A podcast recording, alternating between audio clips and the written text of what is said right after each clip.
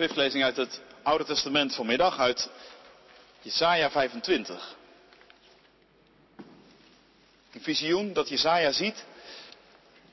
Op deze berg richt de Heere van de hemelse machten voor alle volken een feestmaal aan. Uitgelezen gerechten en belegen wijnen. Een feestmaal rijk aan merg en vet. Het pure, rijpe wijnen. Op deze berg vernietigt hij de waas die alle volken het zicht beneemt. De sluier waarmee alle volken omhuld zijn. Voor altijd doet hij de dood teniet. En God de Heere wist de tranen van elk gezicht. De smaad van zijn volk neemt hij van de aarde weg.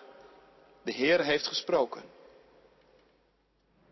Op die dag zal men zeggen, Hij is onze God. Hij was onze hoop, Hij zal ons redden. Hij is de Heer, Hij was onze hoop. Juich en wees blij. Hij heeft ons gered. De hand van de Heer rust op deze berg, maar onder zijn voeten wordt Moab vertrapt, zoals stro in mest wordt getreden.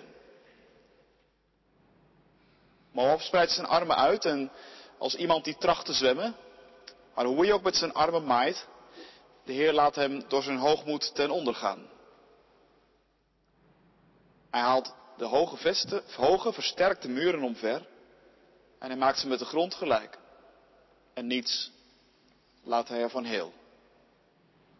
Lezing uit het Nieuwe Testament uit 1 Korinthe 11, vanaf vers 17.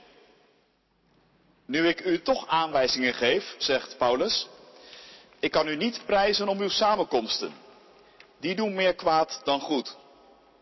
Om te beginnen, ik hoor dat u bij uw samenkomsten in de gemeente partijen vormt. Tot op zekere hoogte geloof ik dat ook. Het is onvermijdelijk dat er partijvorming onder u is, zodat duidelijk wordt wie van u betrouwbaar is. Alleen, u komt niet samen om de maaltijd van de Here te vieren. Van wat u hebt meegebracht eet u alleen zelf, zodat de een honger heeft en de ander dronken is. Hebt u soms geen eigen huis waar u kunt eten en drinken? Of veracht u de gemeente van God en wilt u de armen onder u vernederen? Wat moet ik hierover zeggen? Moet ik u soms prijzen? Dat doe ik in geen geval. Want wat ik heb ontvangen en aan u heb doorgegeven gaat terug op de Heer Jezus zelf. In de nacht waarin de Heer Jezus werd uitgeleverd nam hij een brood, sprak het dankgebed uit, brak het brood en zei, dit is mijn lichaam voor jullie. Doe dit, telkens opnieuw, om mij te gedenken. Zo nam hij na de maaltijd ook de beker en hij zei, deze beker is het nieuwe verbond dat door mijn bloed gesloten wordt. Doe dit, telkens als jullie hieruit drinken, om mij te gedenken. Dus altijd wanneer u dit brood eet en uit de beker drinkt, verkondigt u de dood van de Heer totdat Hij komt. Daarom maakt iemand die op onwaardige wijze van het brood eet en uit de beker van de Heer drinkt zich schuldig tegenover het lichaam en het bloed van de Heer. Laat daarom iedereen zichzelf eerst toetsen, voordat hij van het brood eet en uit de beker drinkt. Want wie eet en drinkt, maar niet beseft dat het om het lichaam van de Heer gaat, roept zijn oordeel over zichzelf af. Daarom zijn er onder u veel zwakke en zieke mensen en zijn er al velen onder u gestorven. Als we onszelf zouden toetsen, zouden we niet worden veroordeeld. Maar nu velt de Heer zijn oordeel over ons en wijst hij ons terecht, dat we niet samen met de wereld zullen worden veroordeeld. Daarom, broeders en zusters, wees gastvrij voor elkaar, wanneer u samenkomt voor de maaltijd. Wie honger heeft, kan beter thuis eten. Dan leiden uw samenkomsten tenminste niet tot veroordeling. En de overige zaken zal ik regelen wanneer ik kom. Woord van God. Uitgangspunt voor de preek zijn vers 23 tot 26 uit 1 Korinthe 11. Ze staan afgedrukt op de orde van dienst en daarbij een vraag en een antwoord uit de gewone catechismus. Een paar jaar geleden verschenen. Uh, over het avondmaal. Je kunt die teksten erbij houden. Gemeente van Christus, hier in de kerk of afstand met ons verbonden. Ik ben op bezoek bij een oude mevrouw. We hebben elkaar nog niet eerder ontmoet. Kijk, zegt ze, als we wat kennis hebben gemaakt en de thee op is, daar in de kast staat een fotoalbum. Wil je dat even voor me pakken? Ik pak het album uit de kast en ik geef het haar aan. Nu even hier komen zitten, zegt ze. En terwijl zij het album opent, schuif ik mijn stoel wat dichterbij. Samen kijken we en ze vertelt. Ik zie een meisje van een jaar of tien. Dat ben ik, zegt ze. En dat zijn mijn twee oudere zussen. Ik heb een fijne jeugd gehad. We hadden het niet breed, maar we waren een hecht gezin. En daar heb ik goede herinneringen aan. Een paar bladzijden verder staat ze arm in arm met een jongen. Kijk, zegt ze, dat is Jaap. Wij mochten niet trouwen. Zijn vader vond dat ik uit een te arm nest kwam. Maar we hebben doorgezet. En haar ogen beginnen te glimmen als ze het vertelt. Alsof ze die overwinning opnieuw beleeft. Ja, sindsdien ben ik er heel fel op hoor, zegt ze. Als ik merk dat mensen worden veroordeeld om hun afkomst. Ik weet hoe dat voelt. En het is vreselijk. En zo slaan we de ene na de andere bladzijde om. En bij iedere bladzij hoort weer een nieuw verhaal. En hoogtepunten en dieptepunten wisselen elkaar in een hoog tempo af. Als het boek uit is, zegt ze, dankjewel. Dankjewel, reageer ik een beetje verbaasd. Zoveel heb ik toch niet gedaan? Jawel, zegt ze, je hebt geluisterd. En ik heb mijn verhaal kunnen vertellen. Dat helpt, weet je. Als je zo oud geworden bent als ik, dan heb je dat nodig. Vlak voordat Jaap stierf, zei hij, ik ga naar mijn heiland. En als ik me dat weer herinner, door het nu tegen jou te vertellen, maakt me dat blij. En het geeft me hoop voor de toekomst.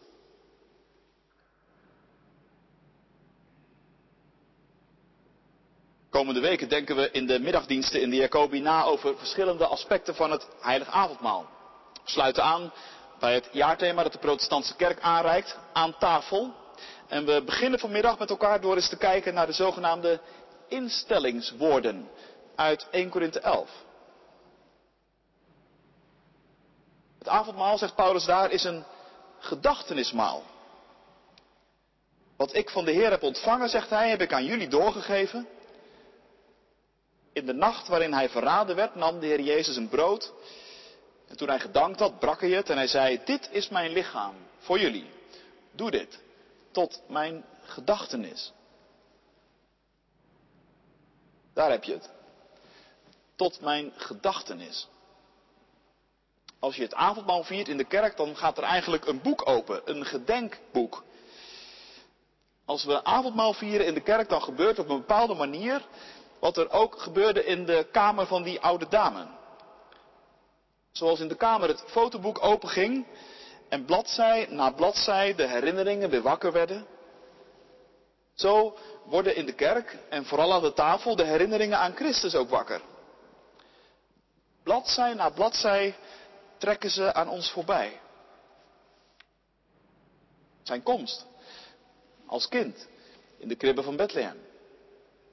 Zijn verkondiging van het koninkrijk van God dat nabijgekomen is. Zijn omgang met de mensen, helend, bevrijdend en genezend. Zijn woorden, zijn gelijkenissen. Maar er is één bladzij die als we het avondmaal vieren bijzonder onze aandacht trekt. En dat is de herinnering aan de nacht waarin hij dus verraden werd. En waarin hij met zijn discipelen nog één keer de paasmaaltijd vierde. Die maaltijd die in zichzelf ook al een gedachtenismaaltijd was. Een maaltijd waarin de herinneringen wakker werden geroepen aan de grote daden van God nog veel eerder in de geschiedenis van Israël, de bevrijding uit Egypte. En het is die maaltijd waaraan de Heer Jezus op die hele bewuste avond, voorafgaand aan Goede Vrijdag, een nieuwe betekenis geeft. Brood en beker. Het zijn de tekenen die vanaf dat moment voor eens en voor altijd zullen gaan herinneren aan het grote offer van Pasen. Dat Jezus zelf zal gaan worden. Als je vanaf nu, zegt Jezus dan ook, het brood breekt en de wijn uitgiet, dan doe je dat tot mijn gedachtenis.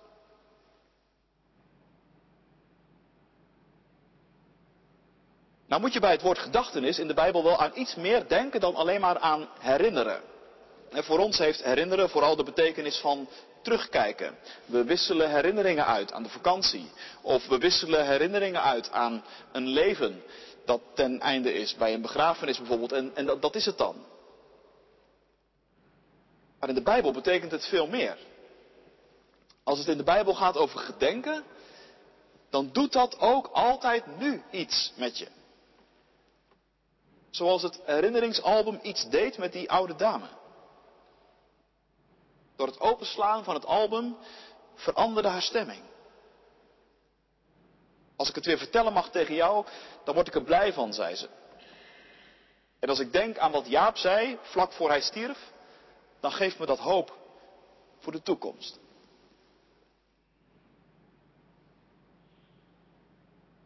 En door naar haar te luisteren, deed het openslaan van dat album niet alleen maar iets met haar, maar het deed ook iets met mij.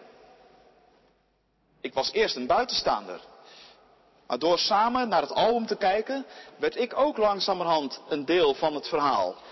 Het was niet alleen haar verhaal meer, maar het werd ook een beetje mijn verhaal. Ik werd er onderdeel van.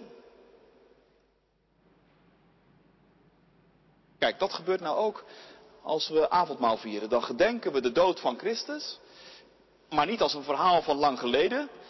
Nee, we worden er ook deel van. Het gaat over jou en over mij. Het wordt ook ons verhaal.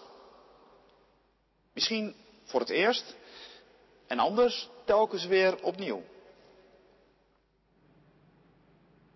Het Engelse woord voor herinneringen, herinneren, slaat wat dat betreft de spijker precies op zijn kop. Remember. Je wordt opnieuw lid. Opnieuw onderdeel. Dat is wat Christus in het avondmaal aan ons doet. Hij maakt ons opnieuw lid en onderdeel van zijn geschiedenis. En hij harkt ons als het ware bij elkaar aan de tafel. Wij, zondige mensen met onze gebroken levens. Wij die zo vaak en zo makkelijk denken dat we op eigen benen wel kunnen staan. Maar daar ook geregeld gierend in vastlopen. En als je brood en wijn ontvangt in zijn naam, dan weet je het weer. Ik hoor bij Hem. Ik leef van Zijn offer. Mijn verloren leven is opgeraapt door Hem.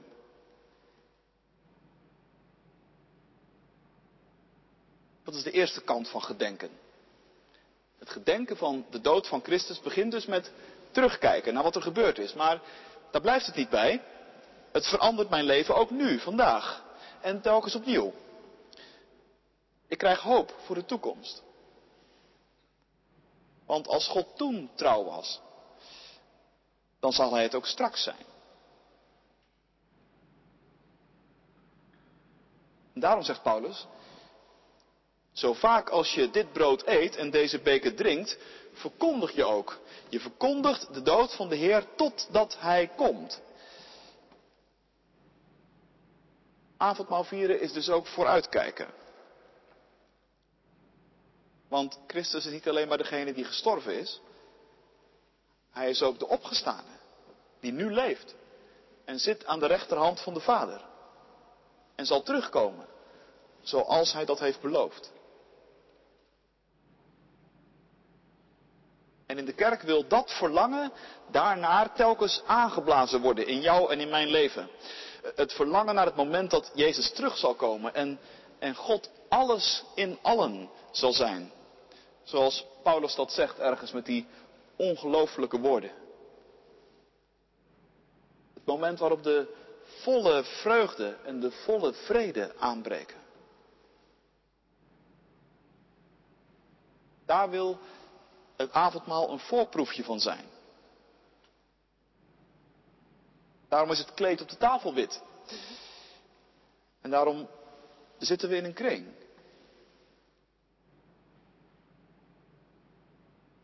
De kring is nog niet compleet. We missen altijd nog mensen. Er zijn ontbrekende schakels. De kring is ook kwetsbaar. Er zitten geregeld barsten en scheuren in. Maar Jezus komt terug. Om af te maken wat hij eenmaal begonnen is. In die verwachting vieren we. En daarom verkondigen we zijn dood tot hij terugkomt.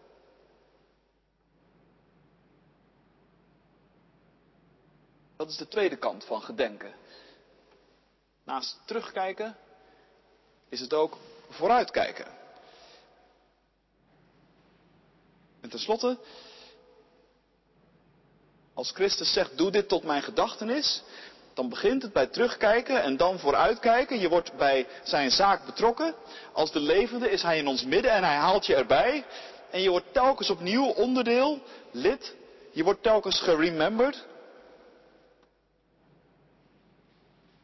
En daarom geeft het avondmaal ook nog kracht voor vandaag. Dat is het derde. Waarom? Nou, als je de dood van Christus verkondigt, verkondig je ook je eigen dood, zegt Paulus.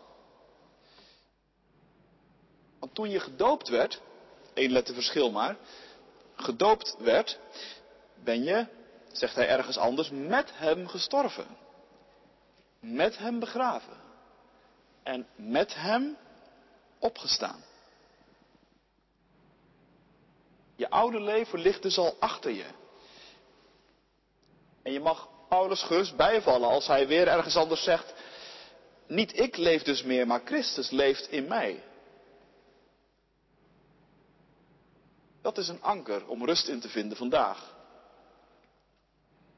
Midden in je misschien wel heel hectische bestaan. Midden in je leven misschien wel vol met verleidingen. Midden in je leven waarin misschien wel van allerlei kanten aan je wordt getrokken. En je af en toe denkt, waar ben ik zelf nog? Midden in een wereld vol onrust en spanning vinden we rust bij Hem.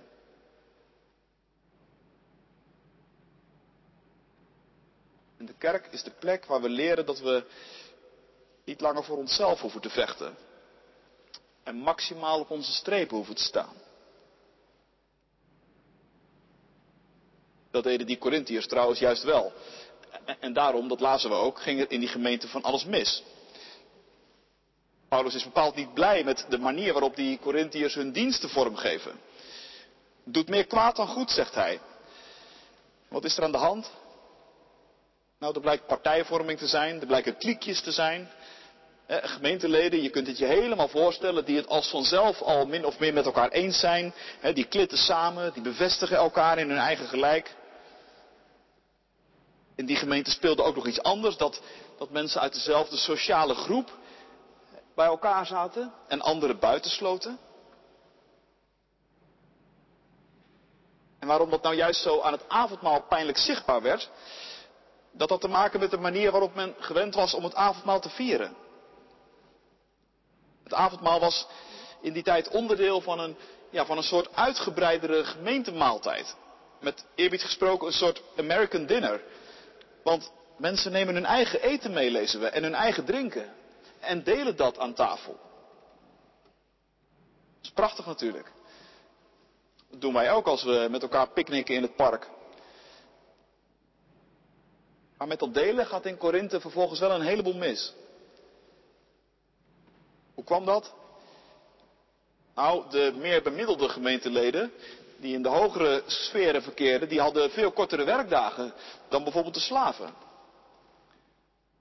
En die slaven kwamen dus pas veel later richting de samenkomst. En geregeld was dan al het meegebrachte eten eigenlijk al op.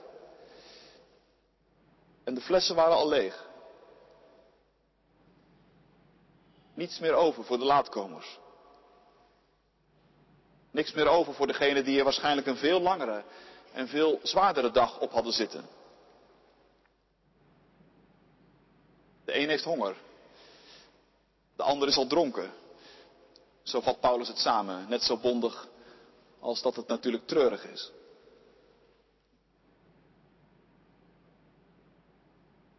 Nu ja, je kunt je voorstellen dat voet de eenheid van de gemeente niet bepaalt.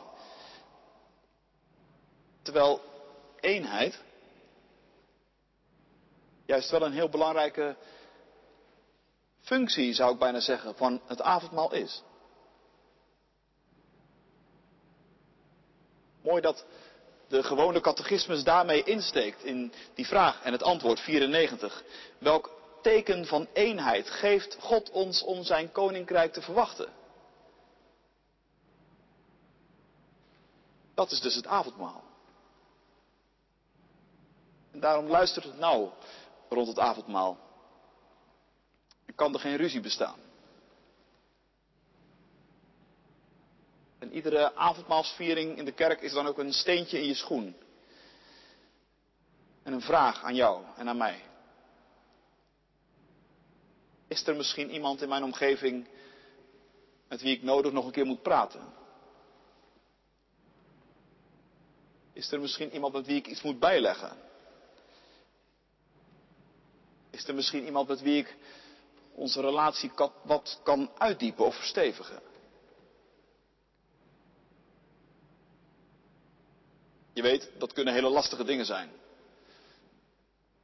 Je moet soms over de brug komen en dat is moeilijk. Soms draaien we heel lang, jarenlang om elkaar heen, voordat we dat een keer gaan doen.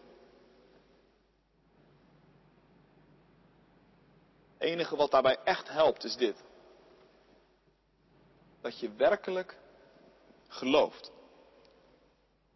Met je hoofd en je hart en je handen. In woorden en daden. Dat er al lang voor je gevochten is. Dat Christus de strijd met alles wat ons vasthoudt en bindt, al lang heeft aangebonden. En dat Hij glansrijk heeft gewonnen. En dat Hij in die beweging jou en mij meeneemt. Je bent met Hem gestorven en opgestaan. Je bent niet van jezelf.